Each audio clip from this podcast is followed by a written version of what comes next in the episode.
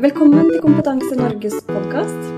I denne episoden skal to erfarne ledere og lærere fra voksenopplæringa snakke om organisering av og muligheter for nettbasert språkopplæring, eller nettbasert opplæring.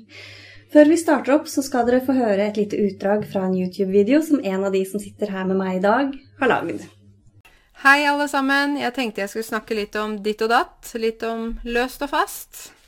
Dette er sånne uttrykk som nordmenn bruker ganske ofte.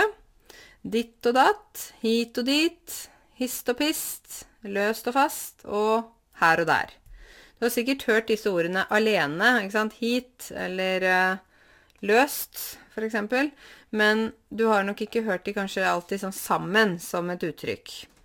Dette er uttrykk vi bruker mest når vi snakker, altså mest brukt muntlig.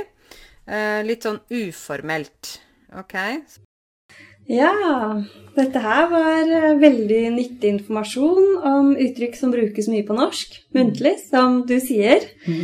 Uh, ja, og det er uttrykk som man kanskje ikke finner forklart i lærebøkene som finnes. Eller i de digitale læremidlene man har. Og som brukes i norskopplæringa vanligvis. Så Karense Fosslien, det er du som har lagd denne videoen her, og over 400 andre videoer. Og i tillegg til å lage videoer, så har du grunnlagt en egen språkskole som heter eh, Note. Mm. Der du jobber med nettbasert norsk og samfunnskunnskapsopplæring for voksne innvandrere. Mm. Mm. Med oss i dag så har vi også Merete Heins. Eh, hun har jobba mange år som lærer, rådgiver og leder ved Johannes læringssenter. Eh, før vi starter opp nå, så er det kanskje fint å få definert hva, hva Eh, nettbasert opplæring er for noe. For det, som privat tilbyder og som offentlig tilbyder, eh, hvordan er det dere da jobber digitalt og nettbasert?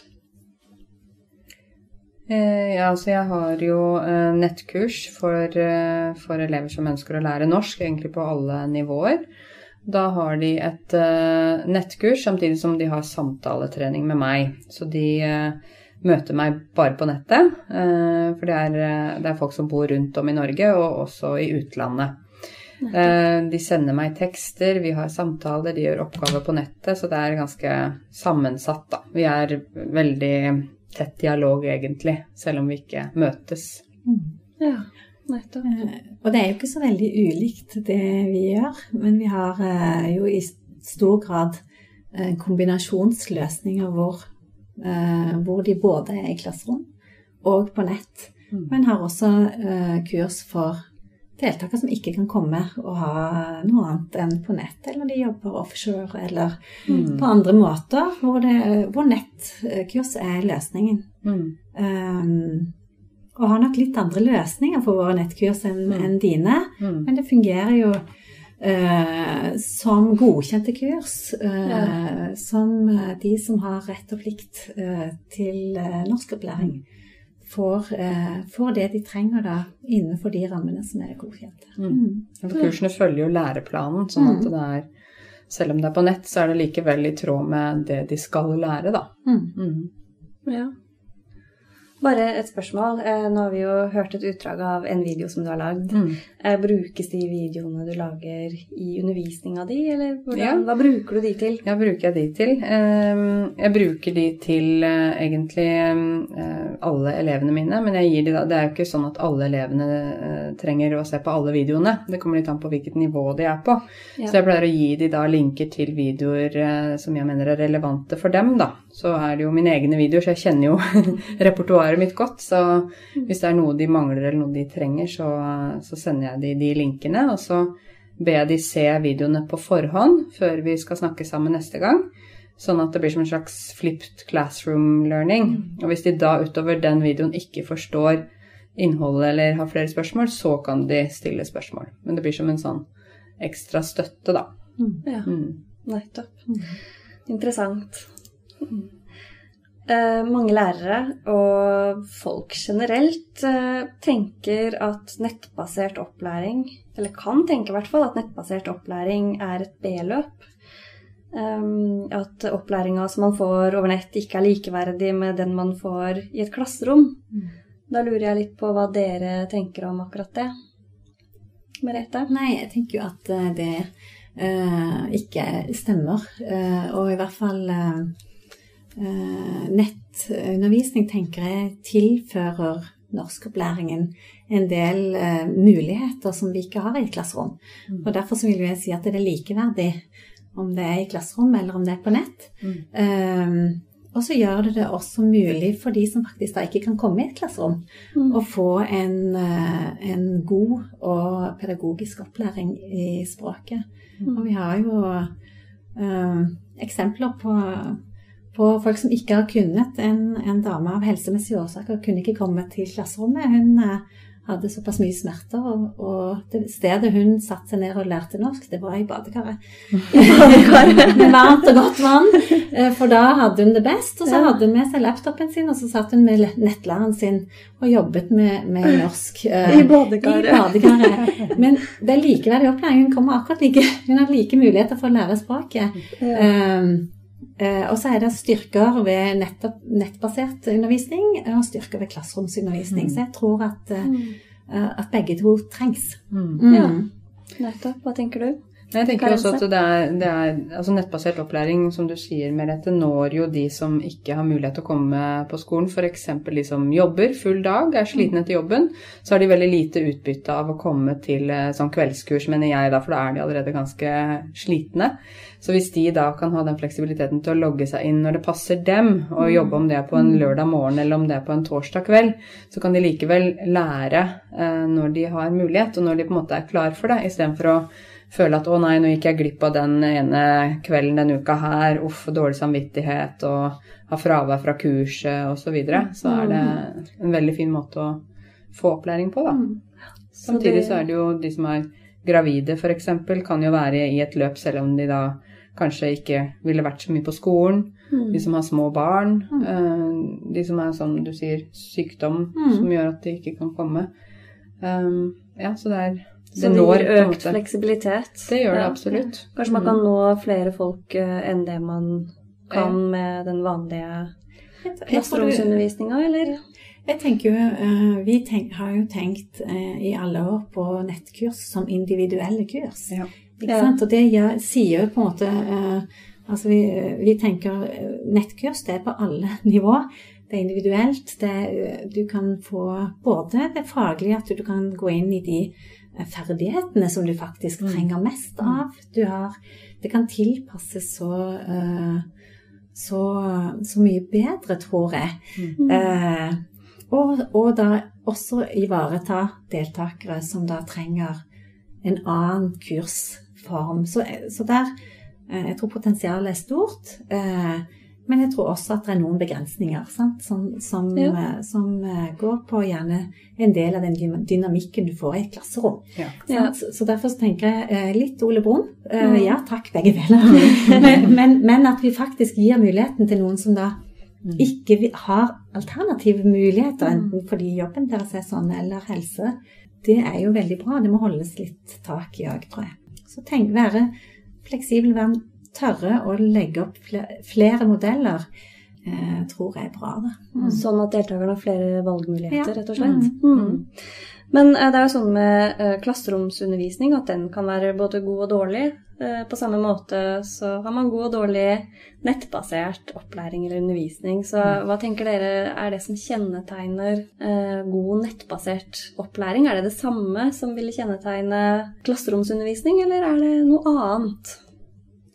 Jeg tenker jo at det er jo Altså, man har jo mulighet, som dere sier, at man kan møte deltakerne på det nivået de er, og, og at det blir tilpassa opplæring. Eh, samtidig så er det jo veldig viktig med god oppfølging, da, fordi de sitter jo alene. Sånn at de på en måte trenger veldig å vite at det er ikke bare sånn at dette er et selvstudiumskurs hvor jeg sitter og gjør noe, og så er det ingen som følger med. Jeg tror det er veldig viktig at man eh, kjenner det der at man er i kontakt med læreren, og at man kan stille spørsmål. Eh, og også det at man, man, eh, har disse samtaletimene eller et eller annet, sånn at man er i den kontakten, da. Eh, det tror jeg er veldig viktig. Mm. Du, du, blir på en måte eh, en blanding av lærer og veileder, mm. nesten. Vi, vi, kaller det ofte for nettveiledning. Nettveiledning, ja. For jeg, jeg tror du, du kommer på en måte, Det er nesten litt rart å tenke at du kommer på en måte veldig nært deltakeren, selv om du da sitter på en skjerm. Mm. For det er klart, da får du også vekk litt av de tingene som kanskje, kanskje sperrer når du er i et klasserom. Eh, Så jeg tror en del av våre lærere vil tenke at nei, vi kommer faktisk nesten inn i stua til folk. Ja. Sant? Eh, Og eh, da tror jeg også du kommer nærmere på de eh, faktiske behovene eh, som deltakerne har.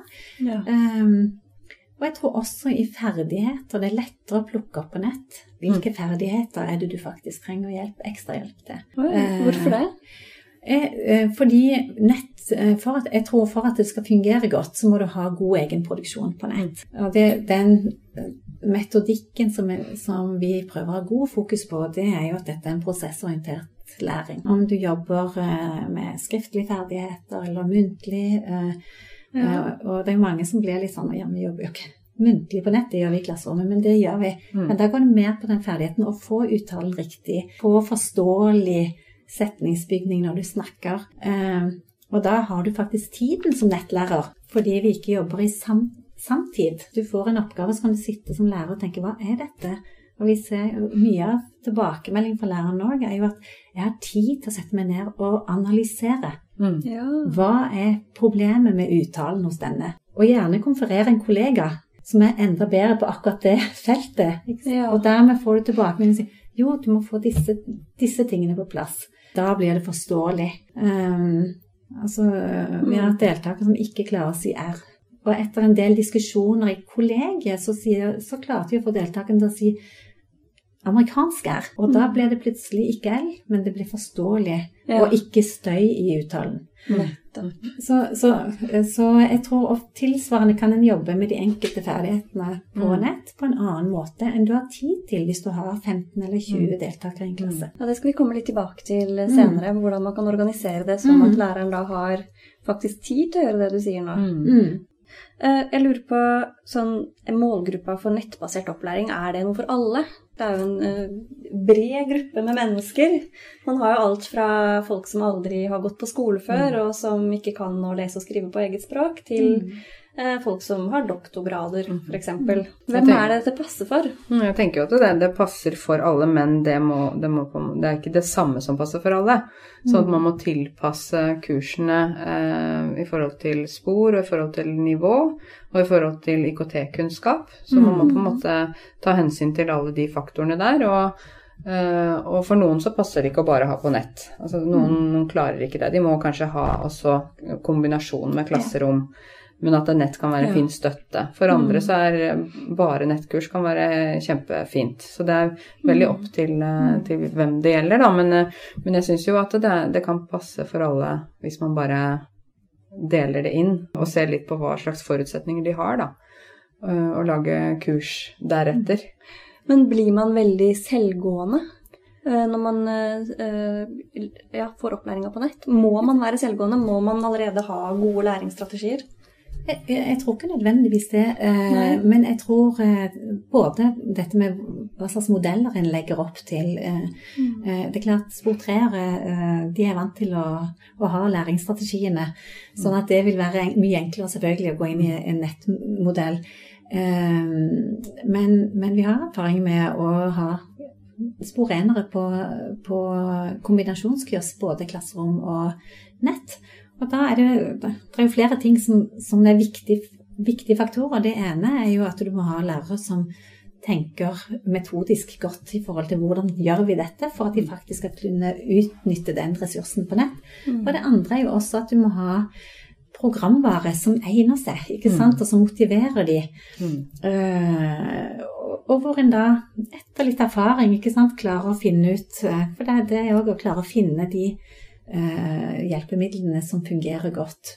Det kan for noen være Karense sin, sin eh, YouTube. Det kan for andre være helt basalt. Vi har brukt eh, en del av eh, ulike forlag som, som fungerer for spor 1, fungerer ikke for spor 3. Men det, der tenker jeg at eh, forlagene òg har jo eh, mange muligheter her til å komme inn og så tenke konstruktivt sammen med oss. Det finnes jo veldig mye bra der ute. Men jeg tror også det er veldig viktig at lærerne er kjent med godt kjent med den nettressursen, f.eks., sånn at de føler seg trygge når de Ja, skal Absolutt. bruke det. Mm. Og at man da eh, ja, blir kjent, blir kjent med det og klarer å også formidle til deltakerne hvordan de skal jobbe. Eh, Og gjerne det at man har noen eh, informasjon før man setter i gang med ting. Altså man må jo ha en innføring før de skal, skal starte med nettkurs. Så ja. Så tror jeg nok at det Altså du må ha, ha litt målretta modeller, så når du tenker at hvorfor skal vi gjøre Hvorfor skal vi bruke det? Det må være en grunn til at du skal bruke det. Ja, hva er Eh, grunnen? Dere har jo vært litt inne på det allerede, Ja. men eh, Eh, det, er jo mange, det kan jo være enda flere grunner, det vi har snakket om. Og det Mm. tror jeg både dette med tilpasset undervisning, men jeg tror også det å, for de kanskje svakeste. Mm. Eh, de kommer til et digitalisert samfunn. Vi uh, trenger å hjelpe de inn i det, både å takle det. Vi, vi har snakket om på vår avdeling òg barna deres går på skole, og, Ja. og de skal kanskje følge de opp eh, og skjønne hvordan fungerer eh, opplæringen når de bruker Google Chrome, eller hva de bruker. Altså, ja, hvordan eh, skolen hvordan fungerer for foreldre. Ja, ikke sant? Mm. mm. Så det er jo en digital jungel for enkelte av de, og da må vi jo tørre å gå inn i det. Og, og, og der tror jeg nok vi har litt å gå på òg, i forhold til læreplan og krav om Ja. digital kompetanse. Um, Men det er jo ingen umulighet. Altså, Nei. jeg har jo sett flere som uh, starta som analfabeter, men også samtidig, hadde noe digitalt samtidig som de faktisk hadde lese- og skriveopplæring. Eh, og hvor det var en veldig god støtte. En del Ja. apper, en del eh, websider, nettsider som funka bra, som hjalp dem i den prosessen. Mm. Selv om kanskje det digitale virka som en utfordring først, så var det Ja. faktisk en ressurs for dem ved Ja. å komme frem til å kunne knekke lesekode, f.eks. Så, Så da snakker vi mer en nettbasert opplæring i et eh, ja, teknologirikt klasserom. mm. mm. Mer enn at man har, bruker det digitale utenfor klasserommet nødvendigvis, eller begge deler, kanskje? Begge, begge deler, egentlig. ja. Et- Ja, jeg tror du kan bruke eh, en del av det også på, på på enten både flipped learning, men også Mm. på, på bearbeidelse etterpå. Mm. Ikke sant? Og hvor Ja. kan, eh, Hjemmearbeid og Ja, hjemmearbeid og, og, Ja, mengdetrening Men- ja. og uttale, Mm, eksempel, Mm. og da kan du få inn det individuelle i det nettbaserte. Ikke sant? Mm. For da kan du gå én til én eh, som lærer i det. En del av de eh, forskjellige programmene fra forlagene er jo veldig godt strukturert, da. Så det er ganske ganske greit å se hvor man skal klikke og logge seg inn. Mm. Altså, ja. eh, det er på en måte ikke så finurlig og smått. Altså, en del har jo gjort uh, Layouten er veldig god, sånn at det er lett å se Ja. hvor man skal komme seg inn. og Mm. Klikk her, logg inn, og så klikke på A1, og så klikke på det øverste kapitlet, på en måte. Altså det, det går an å få til, da. Selv Mm. når man er hjemme, selv om man har et uh, lavt spor. Så det er, God brukervennlighet og Ja, hvis- hvis det veldig så- tilpassa. og det er mye av det. Mye bra Mm. der ute. Så bra. Eh, Så vi har jo snakka litt nå om de mulighetene som ligger i det å ta i bruk teknologi i opplæringa. Hvilke muligheter utover det vi har snakka om til nå, ser dere i bruk av eh, teknologien? Eh, Jeg tenker jo det, det er jo mulighet til å Vi har snakka om det, men det er så Ja, for eksempel eh, ha sånn flipped classroom, det har vi snakka litt om. For de som ikke veit hva det er, så er jo det at man, man får beskjed om å lese noe hjemme, f.eks. eller se på en video eller noe sånt hjemme, og så går man tilbake til klasserommet eller tilbake til læreren. Um, prosessorientert skriving. Du snakka også om rett, at, det er, at man er i en prosess, at det ikke bare er én tekst og ferdig, men at man har mulighet til å redigere og utvikle det de holder på med. Uh, og dette er med tilpassede oppgaver hele veien, da, tror jeg er veldig Jeg tror jo det jeg tror, jeg tror vi fokuserer veldig på dette med prosessorientert både skriving og, og jobbing, da. mm. Ikke bare med, med skriftproduksjon. Så tror jeg jo eh, Jeg tenker jo at jo høyere opp du kommer i, på nivåer, jo større bruk har du for egenproduksjon på alle mulige måter. Og nett gir en mulighet til det. Mm. Eh, og vi har prøvd i våre modeller å, på e tenke at jo høyere du opp du kommer, jo større egeninnsats må til for at du skal klare å holde progresjonen høy. Og det er klart det er jo en del av det vi tenker eh, nettressursen brukes mer og mer til òg. Mm. Og litt av baktanken med det er jo at eh, de For å holde progresjon, for å holde tak i, i språkutviklingen din, så må du også ansvarliggjøres mer sjøl når du faktisk begynner å se få inn om det, om det er lave spor, at de får bedre læringsstrategier. På de høye sporene så har de jo de allerede. Mm. Men da å klare å holde trøkket oppe eh, er kjempeviktig. For det er klart når du begynner i norsk, så er du mer motivert, og så begynner du å møte noen av de der sperrene Ja. hvor ting blir vanskelig. Men da å klare å ha den forståelsen at her må jeg yte mer og mer sjøl, det blir mer og mer komplisert, og at den prosessorienterte skrev, ja, læringen føler nok vi eh, at nett er en god arena å bruke det. Det er bare en kommentar til det. fordi at eh, jeg tenker på Når de da kommer til et sted hvor ting begynner å bli vanskelig, mm. så er jo det med motivasjon veldig viktig. Mm. Eh, Og jeg lurer på om eh, når man jobber eh, godt med teknologi, eh, om det kan fremme deltakernes eh, indre motivasjon, sånn at de selv ser på en måte hvordan de kan lære, hvordan, altså at de fremmer nysgjerrigheten deres og læreønsket. Jeg syns det er viktig at man må gjøre den nettbaserte opplæringen spennende og interessant også. altså man må jo Har hele... ikke flere muligheter til å gjøre det? Jo, det er jo det. Det er for eksempel, altså Jeg gir jo en del eh, av mine nettelever programmer som de skal ha sett til vi snakker sammen. Samfunnsprogram, holdt på å si. Ting som handler om noe som skjer der ute, eh, som er aktuelt, og som stadig er i bevegelse. Så det er ingenting som er statisk, og det er stadig nye ting man kan snakke om og få inn, og ting du har sett og hørt og lest. Og, eh, Så jeg, jeg prøver jo selv å være litt oppdatert uh, ute i feltet da, på hva som kan være aktuelt for dem. Sånn at det hele tiden er noe nytt og spennende. Sånn at uh, de, Ja. de ikke stagnerer, da. Og jeg tenker det, det å bruke andre ting enn læreverkene òg. Altså du har TV 2 skole som legger opp til ganske mye eh, tilpasset, eh, og andre eh, som tilbyr den type ting som gjør det mer du får mer av det hverdagen inn i undervisningen Mm, mm. eh, på spennende måter. Eh, og det er klart det, det kan jo være krevende for en lærer å prøve å tenke hvor skal jeg lete, eh, men allikevel så tror jeg at det er eh, motiverende og, og gjør at den egen motivasjonen da holdes oppe. Blir det artigere å være lærer òg, kanskje? Jeg driver jo bare med det, så jeg syns det er kjempeartig. så, men men jeg, altså, jeg, jeg har jo denne YouTube-kanalen, og så har jeg podkast i tillegg, så jeg, jeg lager en del sånne ting som er på en måte noe utover det nettkurset også gir. Fordi nettkurset uh, som man bruker, er jo da lagd og er på en måte allerede etablert, ikke Ja. sant? Men så er det det, det andre utenfor også, som blir det supplementet som gjør at det blir en hel pakke, da. Eh, og om det er at jeg vil at de, de skal lære seg en sang, eller om de skal eh, høre på en, en annen type podkast, eller hva det er. At det, man må også ta i bruk det som ligger der ute som ikke nødvendigvis bare går inn under nettkurset, men som også er ressurser, og gjerne er mye gratis og mye bra der ute også. Ja. Tillegg. Jeg tror det kan være spennende, og det kan gi muligheter. Og så tror jeg også det kan være eh, skremmende for noen lærere. Altså fordi det er å klare å velge. Ikke sant? Å finne ut hvor skal jeg finne dette.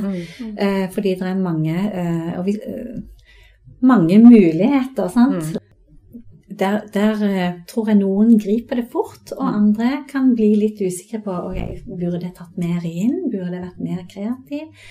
Og så har egentlig lærere alltid vært kreative. Mm, ja. De har alltid trukket Ja. inn andre ressurser, Ja, så det er på en måte å komme over det skrittet at dette er jo ikke noe annet enn du egentlig har gjort før. Det er bare å klare å lete fram på litt andre områder eller på litt andre arenaer.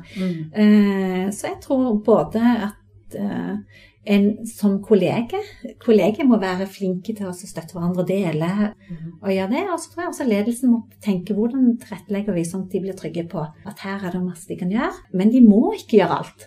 For det er jo en balanse. ikke sant? Å stole på de læreverkene de faktisk har, at det er bra nok. Mm. Sant? Og så kan de eksperimentere litt. Begynne der hvor du er trygg, og så tørre sakte, men sikkert, og at det er helt greit.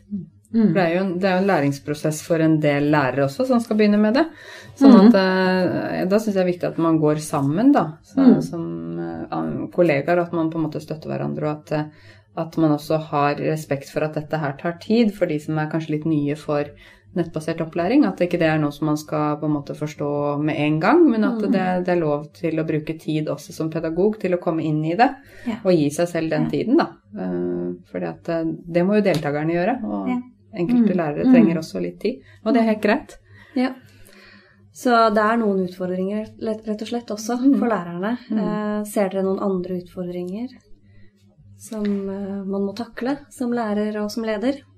Det er jo dette med at eh, noen, noen av deltakerne har begrensede kunnskaper innenfor IKT, da. Så da eh, bør man jo kanskje ha en grunninnføring, et type innføringskurs eller en samling eller noe sånt før de begynner med nettkurs. La oss mm. si man har de i samme kommune, eh, samme sted, så kan man jo få til fysiske samlinger også. Så jeg tror eh, for det kan være en utfordring da, hvis noen er helt sånn shaky på det å bruke data og sånn, så kan de føle at uh, de syns det er vanskelig, og de blir stressa av det, og osv. Så, videre. mm. så jeg tror uh, det kan være en utfordring. Ja.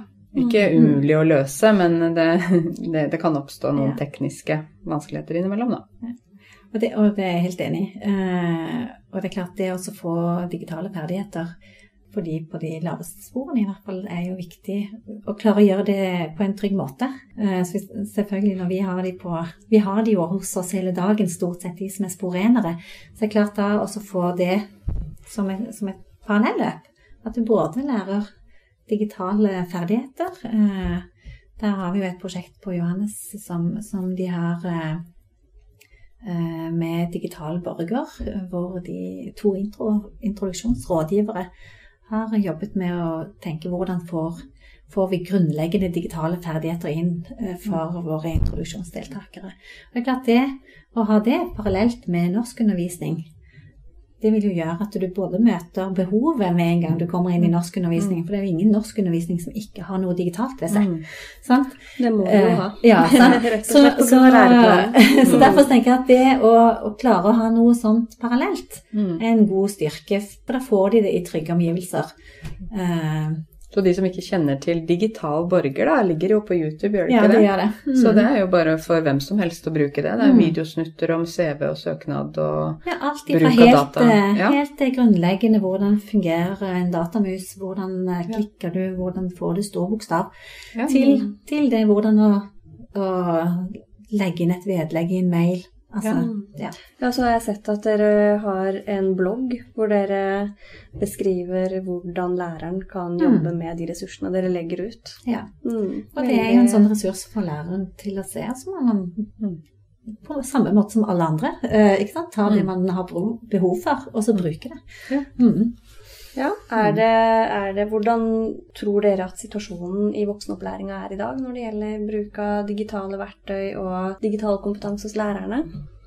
Jeg kunne nok tenkt meg, tror jeg, hvis jeg skulle ønske meg, mm. en etterutdanning som gikk litt på dette her. For jeg mm. tror at uh, det er et potensial til både ting vi går på en måte glipp av hvis ikke vi følger litt med. Så tror jeg at forlagene har vært litt seine på banen med ting, men de har veldig mye gode nettressurser. Det er, ikke, det er, ikke, så mye av det vi har kunnet bruke til nettkurs. Mm. Så vi har gjort mye sjøl. Litt mm. sånn som du har jo bygd opp mye av ditt sjøl. Det er klart der å føle seg trygg som lærer kunne nok Jeg tror for en del så ville det vært et lite skritt å gå. Så har jo eh, mange sentre gjort en god jobb mm. med å lære opp og kurse sine lærere, og hvor, hvor sentrene òg har vært veldig positive. Så jeg tror at det fins mye god kompetanse. Mm. Uh, men jeg tror også mange lærere vil følt at det hadde vært bra med litt mer IT-didaktikk. Hvordan, hvordan, kan vi utnytte det best mulig, mm. uh, og famle litt. Hvordan opplever du det? Jeg tenker Situasjonen i dag er jo, det er jo forskjellig. Det kommer an på uh, ja, hvor hvor eh, positiv ledelsen er også til å bruke mm. nettkurs. Altså hvor mm. åpne de er for det, og hvordan det da blir implementert videre i organisasjonen. Eh, noen eh, lærere er jo på en måte veldig sånn digitale sånn generelt selv også, både på fritid og i jobb, og andre er ikke det. Så jeg mm. tenker at man må jo gi rom for de som da kanskje føler at det er en litt sånn jungel, til å orientere seg og bli bedre kjent mm. med det som finnes, da. Eh, så det er ikke sånn at det er umulig å bruke eh, nettkurs, men jeg tror en del kan føle litt sånn at de åh nei, det, dette orker jeg ikke, det blir enda mer eh, greier å forholde seg til. Så jeg tror at man må, må gi mulighet til å få opplæring og, og støtte, mm. da, hvis man skal ta det i bruk selv som pedagog. Mm. Um, mm. Og så tror jeg kanskje ikke en skal En må ikke gjøre det til noe veldig spesielt. Nei. For jeg tenker det, det, er, det, er, ikke det det er. Det er ikke veldig spesielt. Alle ja. lærere bruker i dag digitale ressurser mm. på en eller annen måte. Mm. Uh, uh, så uh, og heller prøve å tenke at det er litt det som vi snakket om helt i starten òg. Nettundervisning og klasseromsundervisning er to viktige deler av undervisningen. Mm. Eh, Og de er likeverdige.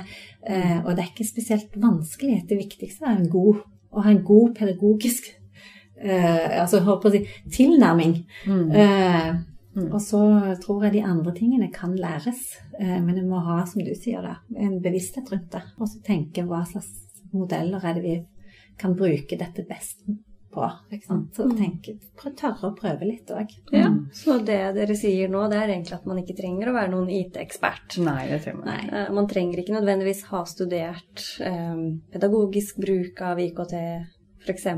Man trenger det ikke, men det ville vært nyttig. Mm. Mm. Hvis det hadde vært noen muligheter for å, for å få ekstra kursing, så hadde det vært kjempefint. Men man Mm. trenger ikke være noe ekspert for å kunne få til noe eh, undervisning, eller få til noe for elevene også.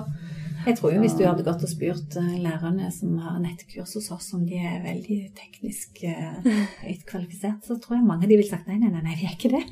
Men vi syns dette er veldig gøy. Ja. Mm. Sånn at eh, fordi, eh, fordi vi har verktøy, læreverk, som fungerer. Ikke sant? Og der tenker jeg der eh, kommer det jo stadig flere forlag opp på banen med ting som fungerer, som også eh, møter kravene til nettundervisning. Mm. Mm. ja. Absolutt. For å kunne ha nettbasert opplæring, så trenger man utstyr og forskjellige. Hva er det man må ha? Det, jo, det kommer litt an på hvilken eh, nettressurs man bruker, da. Om, om man må ha PC, eller om det er greit med iPad. Eh, Det kommer litt an på nettressursen, hvilke, hvordan den er bygd opp. Eh, Så må man jo gjerne ha et headset. Og utover det med rette, hva bruker du? Vi må Ja, nok ha en mulighet til å lese inn, sånn at Ja. du må kunne ta opp lyd. Ja. Men jeg ser jo altså stadig flere igjen forlag kommer med løsninger som er kompatible på, på både telefon og på Mm. PC og Mac Mm. og forskjellig. Men nå snakker dere lærere eller eh, deltakere? Jeg tenker deltakere, eh, Deltakere. men også lærere tenker at der må du ha et headset og en mikrofon. Ja. Og du må ha, eh, En PC. og så må du ha en plass å sitte hvor det er stille. Mm. Ja. Eh, For det er jo noe med eh, altså hvordan vi har organisert hos oss, det er jo at vi i og med at en undervisning er en del av eh, leseplikten og, og normalt definert som tilstedeværelse, eh, så eh, er vi fleksible i forhold til at eh, en nettlærer kan ikke sitte på et arbeidsrom og Mm. undervise på nett, men må kunne sitte enten på et lite grupperom eller kunne sitte hjemme hos seg selv, eller for å få det til å fungere. Og, prøve, og da tenker jeg da må en ledelse være fleksibel og tenke hvordan får vi gjennomført dette sånn at læreren faktisk kan gjøre jobben sin og ha undervisning. Mm. Ja, så, så, så for en Ja, lærer så tenker jeg da må du ha en laptop, du må ha uh, øretelefoner, du må ha en mikrofon. Eh, Og i og med at vi ikke jobber med Skype hos Mm, oss, mm. så har vi ikke tenkt at vi må ha et kamera. Eh, Men det kan jo godt være at eh, nå har vi gjort det Den måten vi har jobba med det på, har vi jo gjort i mange år. Det Mm. kan godt være at vi burde tenke bør vi, bør vi se på, på andre løsninger også. Mm. Eh, Men i dag så trenger de ikke mer enn en laptop, og så trenger de et, en mikrofon. Mm. Og deltakerne, hva trenger de? Nei, de trenger jo, som jeg sa da, PC eller, eh, eller om de har nettbrett. Eh, Ja. Det er ikke alltid så lett å jobbe med norsk på telefon, syns jeg. da. Hvis man da har apper, så kan man gjøre det. Men sånn når man skal studere, liksom, syns jeg man bør ha litt større flate å se på. Mm. Um, og så ja, trenger de et internett som har grei hastighet, da. For Mm. det er litt vari variasjon rundt det. Um, utover det Da så er det veldig fint hvis de også kan ha en bok i tillegg, tenker jeg. Hvis det er muligheter for det, så er det jo en del som syns det er ok å ha nettkurs, og så gjerne ha en bok som kanskje hører til. Så Mm. de måte, Man må jo ikke ha det for å ha et nettkurs, men det kan være en fin støtte. Ja. Uh, og så er det jo dette med rom. altså De sitter jo da gjerne hjemme og studerer. Det er på biblioteket eller Mm. noe sånt. Så det er jo ja, der man kan finne en plass å sitte for seg sjøl. og få være i fred og fokusere på det de driver med. Det er jo en del av eh, fordelen med nettkurs. Det er litt som du var inne på Mm. tidligere, det der at du kan gjøre det du kan gjøre det på natten hvis det er da du er våken og har energi. Eller du kan gjøre det på søndagen, eller Ja. sånn. Mm. Um, Hvor du vil og når du vil. Mm. Hvor du vil og når du vil. Ja. Men hvordan kan ledelsen eh, sørge for denne infrastrukturen når det gjelder utstyr? Det er for det første, det er den siden av det. Eh, Mm. Og hvordan kan ledelsen sørge for at lærerne får den oppfølginga de trenger, og at de har den tida de trenger for å utføre de oppgavene de skal. Mm. Det er jo altså Dette med utstyr er jo en sånn enkel ting. De må ha en laptop. Mm. du må ha en maskin du kan ta med deg. Ja. Eh, på samme måte som du tar eh? På samme måte. Ja, det, er, det ikke sikkert at alle ville hatt en laptop du tar med deg, men det har vi sagt. Alle lærere som skal jobbe med dette, de skal ha en laptop. De skal ha muligheten til å sitte hjemme, og det er avtalt i arbeidsplanen både hvor mye og hvordan det skal fungere. Mm. Så prøver jeg å tenke uh, å være litt fleksibel, fordi på samme måte som deltakerne mm. er fleksible, så ønsker jo vi som ledelse òg at ikke du tenker at all nettundervisningen, den tar jeg på én dag. Ja. Sant? Og at det må skje mellom et tidsrom. Går du glipp av den mm. prosessorienterte uka, mm. eh, og den muligheten til å følge opp. Mm. Um, og så tenker jeg jo for, uh, for Senter for ledelsen, så, så, det å ivareta nettlærerne på en måte hvor de har teamtid sammen, mm. ikke sant? hvor du kan ha, uh, ha et eller annet sted hvor du kan utveksle erfaringer, mm. ideer. At de også møtes fysisk? At de møtes både fysisk, og at de mm. har uh, ting lagret. Altså at mm. har en kultur for å, å, dele. For det er utrolig mye kompetansedeling i det, og kompetansebygging i det. Mm. Men dette hvor, i forhold til, for Det er sikkert en del som lurer på ok, hvis man jobber som nettlærer, hvordan blir da timefordelingen? Altså sånn, er det noe sånn, Har dere noe sånn Mm. Uh, tre elever på én time, altså er det, er det, noe sånn i forhold til mm. hvor mye man skal jobbe, da? Vi har eh, gått gjennom med, med fagforeningen og fått, en, eh, fått på en måte definert hva kan vi gjøre. våre nettkurs har enten fem timer eller fire timers undervisning i uka, altså hvor deltakeren enten jobber fem eller fire timer på nett. Mm. Eh, og da har en lærer som har eh, f.eks. rene nettkurs, som har fem timers undervisning på nett, eller nettstudier, eh, tre deltakere per undervisningstime.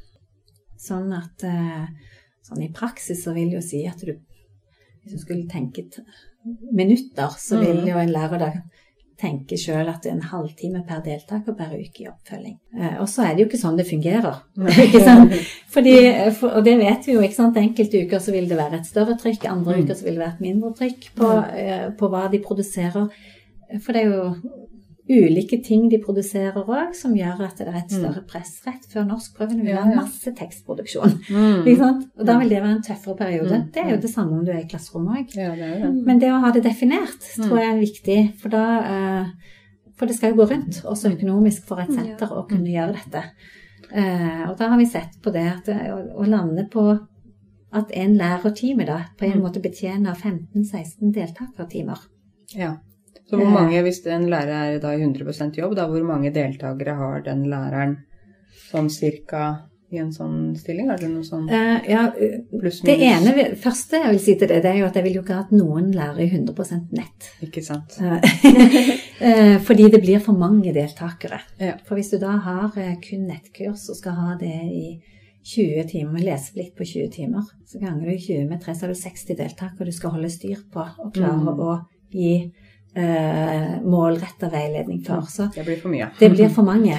Så derfor så, så prøver vi jo å tenke at eh, du er nettlærer i, i Ja, vi har vel en nettlærer som er det i 70 mm. Eh, og da er vi på grensen på hvor mange du klarer å tenke mm. hvordan kan hjelpe den individuelt. Mm. Og så er den læreren også et, på et vanlig norskkurs, f.eks.? Ja, ikke mm. sant. Nå, eh, og helst, vil jeg tenkt, hvis du er 50 nett her, og så har du kanskje nok deltakere på nett, og så er det bra å være i klasserom. For det er jo noe med at det er litt, det er litt ensomt. Vi har mm. hatt nettlærere som, som, ikke har vært fysisk i Stavanger òg. Uh, og som har jobba som nettlærer, og da har hatt Skype-lunsj med kolleger. Ja. ikke Så, det var jo lurt. Ja, ikke sant? Men, men det, det, er ikke en Jeg tenker, da går, da går vi De går glipp av så mye. Så jeg tror det å ha et kollegefellesskap er viktig, og det må ledelsen legge til rette for. Å ha teamsamarbeid som gjør at du har noen å samarbeide med. Og så ha uh, en hverdag som ikke er bare det ene, fordi jeg tror du trenger begge deler. Mm. Absolutt. Mm. Og så må rammene være avklart. Så forventningsavklaring tror jeg er viktig. Mm. Hvordan forholder du deg til uh, den type organisering, Karense? Eh, altså jeg tenker jo når du sier noe med dette, det er veldig fint hvis man har den kombinasjonen med at lærerne har eh, også et sånt fellesskap hvor de møtes Mm. og har noen fysiske samlinger. Eh, eh, når jeg er på nett, så er jeg på en måte Og det er lett at man blir litt sånn uh, ensom, ikke sant. Så jeg, Ja. jeg, synes, jeg, jeg har jo kontakt med mange andre lærere altså, som driver med litt det samme. Sånn at vi, jeg syns det er viktig å få støtte i, i, i form av uh, kontakt med andre lærere som driver med det samme, da, så man ikke føler at man bare sitter aleine. Ja. Uh, Og så være flink selv til å gå på en del seminarer, kurs, ting som på en måte foregår der ute, hvor man også da ikke bare jobber på nettet, og det er liksom deg og dataen, men at du også er med på en del andre ting som Mm. gjør at du føler at du er en del av noe større, kanskje, da. Som går ut, utenfor den bedriften eller den organisasjonen du jobber for. Det er jo, det kalles jo, det er jo EdTech, dette her, da, Education Technology, som på en måte er, er veldig stort, da. Mm. Både i Norge og rundt om i verden. Mm. Mm. Mm. Men eh, når man tenker organisering av eh, opplæringa, kunne man sett for seg at man samarbeida mer på tvers eh, mellom kommunegrensene f.eks., for, eksempel, for å kunne tilby mer eh, spesifikk opplæring? Eh, det, har dere har du jobba med det, Karense? Ja, jeg har jo fått Det er jo Vi har mange kommuner i Norge og, og mange forskjellige voksenopplæringssentre, store og små. Eh, av og til så har det jo vært sentre der de f.eks. ikke kan tilby B2-kurs fordi de ikke har nok deltakere. Eh, hvor de da kontakta meg for å kunne da eh, gi de det tilbudet som følger læreplanen, og som er eh, i forhold til de retningslinjene, ikke sant. Mm. Men fordi at de ikke da kunne ha et fysisk kurs pga. for få deltakere.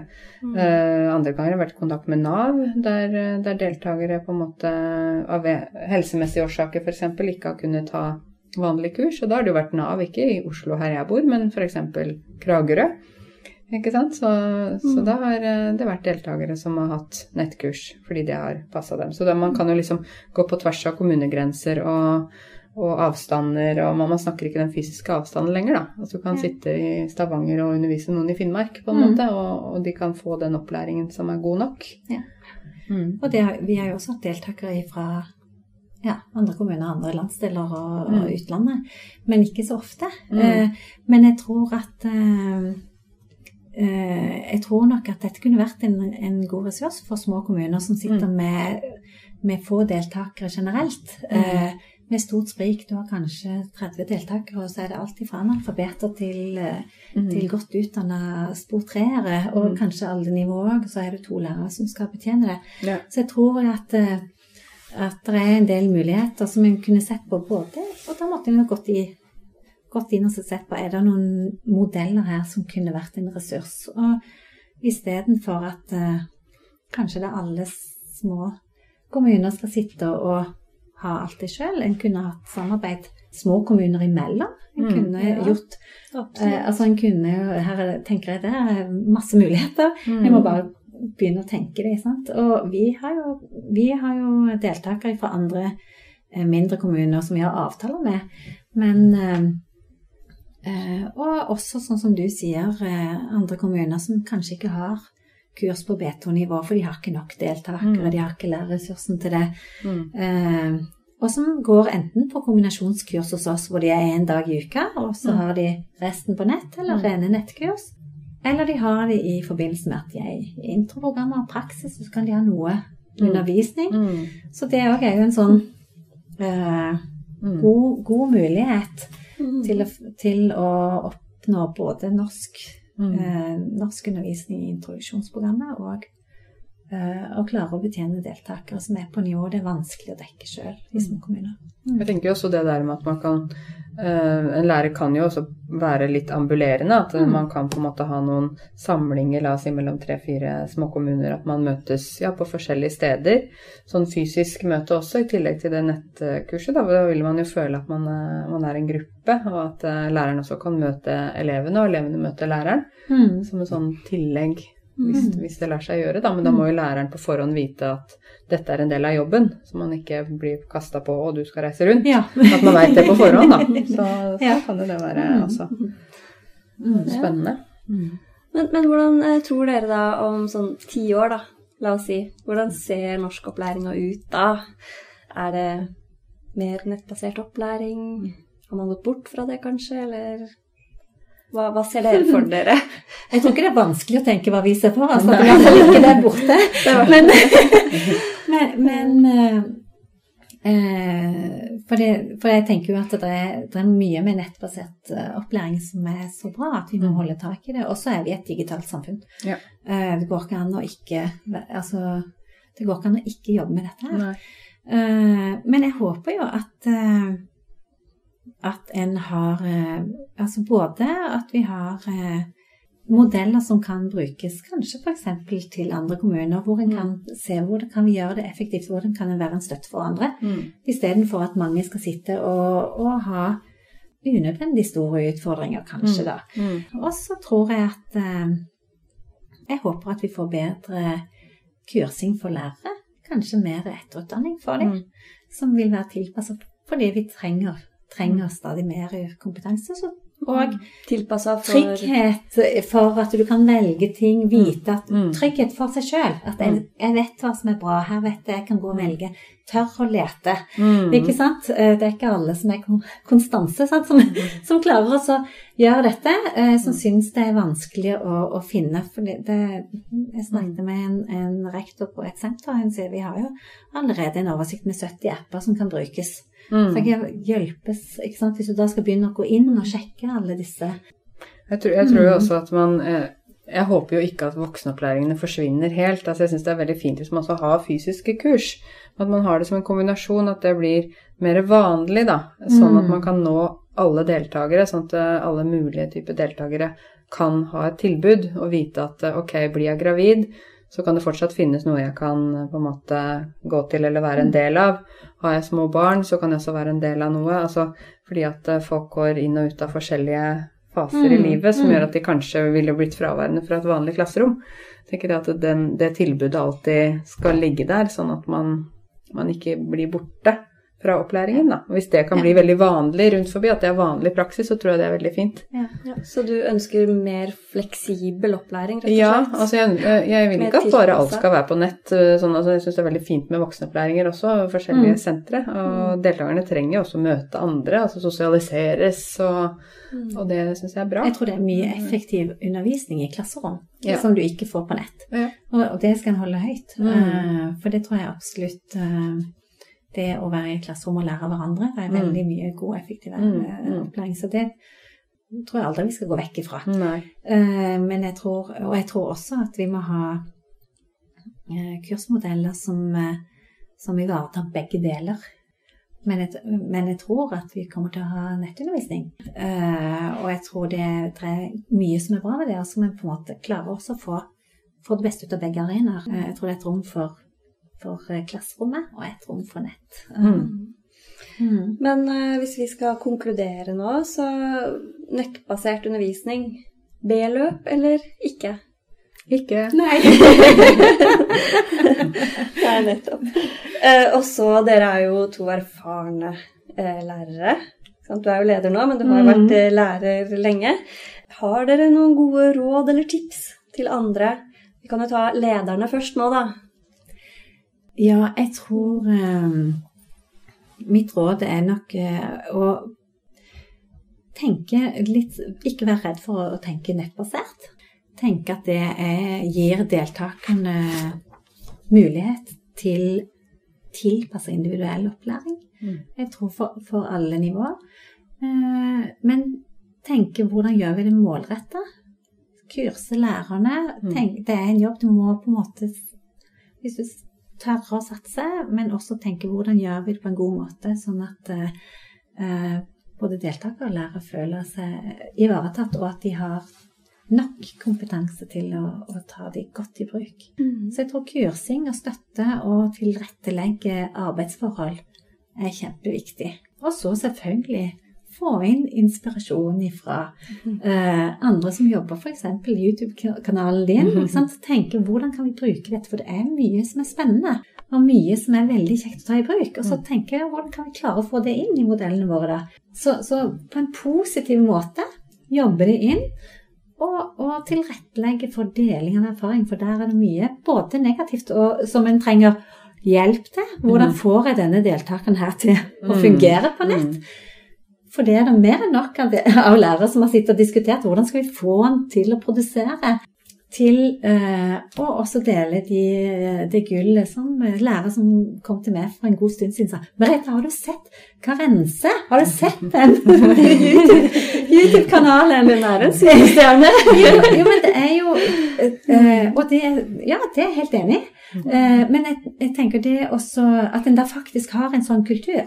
At en går og sier 'Har du sett dette?' Mm. Ja. Mm. Dette har jeg lyst til å bruke sånn. Eh, og det er, det er viktig. Og så er det ikke hver uke en får til det. Men, Mm. eh, Og det er hos oss òg. Så må vi jobbe målrettet med det. Og tenke hele tiden. For det er ikke noe som det går av seg sjøl.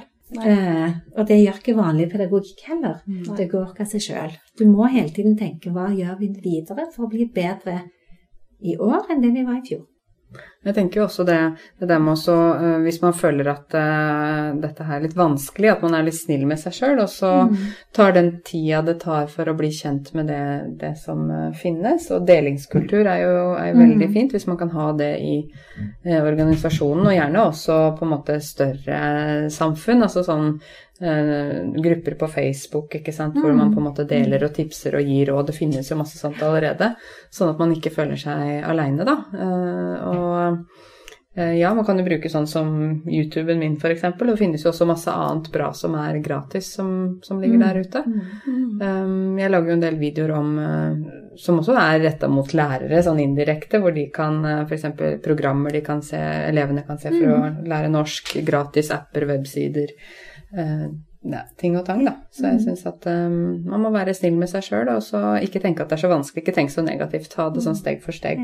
Så er det, er det veldig gøy når man først kommer inn i det, da. Mm. Og så tror jeg nok de, altså, det å få eh, både senter og lærere til å si at vi bruker det digitale, det er jo ikke egentlig et stort skritt. Sant? Mm. Vi er jo digitale, enhver skole i dag er det. Mm, mm. Eh, Men en må tenke hvis dette skal være eh, Det må inn i rammer som, som er godkjente for, eh, for eh, introduksjonsdeltakere og rettighetsdeltakere. Så er det klart Mm. da må en seg ned og ser hva, hva skal til for at det er greit. Mm. Ikke sant? Og for at det følger opplæringsloven og alt. Mm. Sånn at det da Og kanskje da søke litt informasjon. Kompetanse Norge har sin veileder for hvordan en kan gjøre det. Eh, Det er mange senter som driver med dette. Eh, Spørre. Mm. Tørre å ta kontakt. Dra på Mm. besøk. Ja. Ja, det, Så nå fikk egentlig både lærere og ledere noen tips fra dere. mm. Eh, tusen, tusen takk for at dere kom for å dele av deres erfaringer med oss i Kompetanse Norge, og med alle de som lytter til denne podkasten. Takk skal dere ha. Det er hyggelig. Bare hyggelig.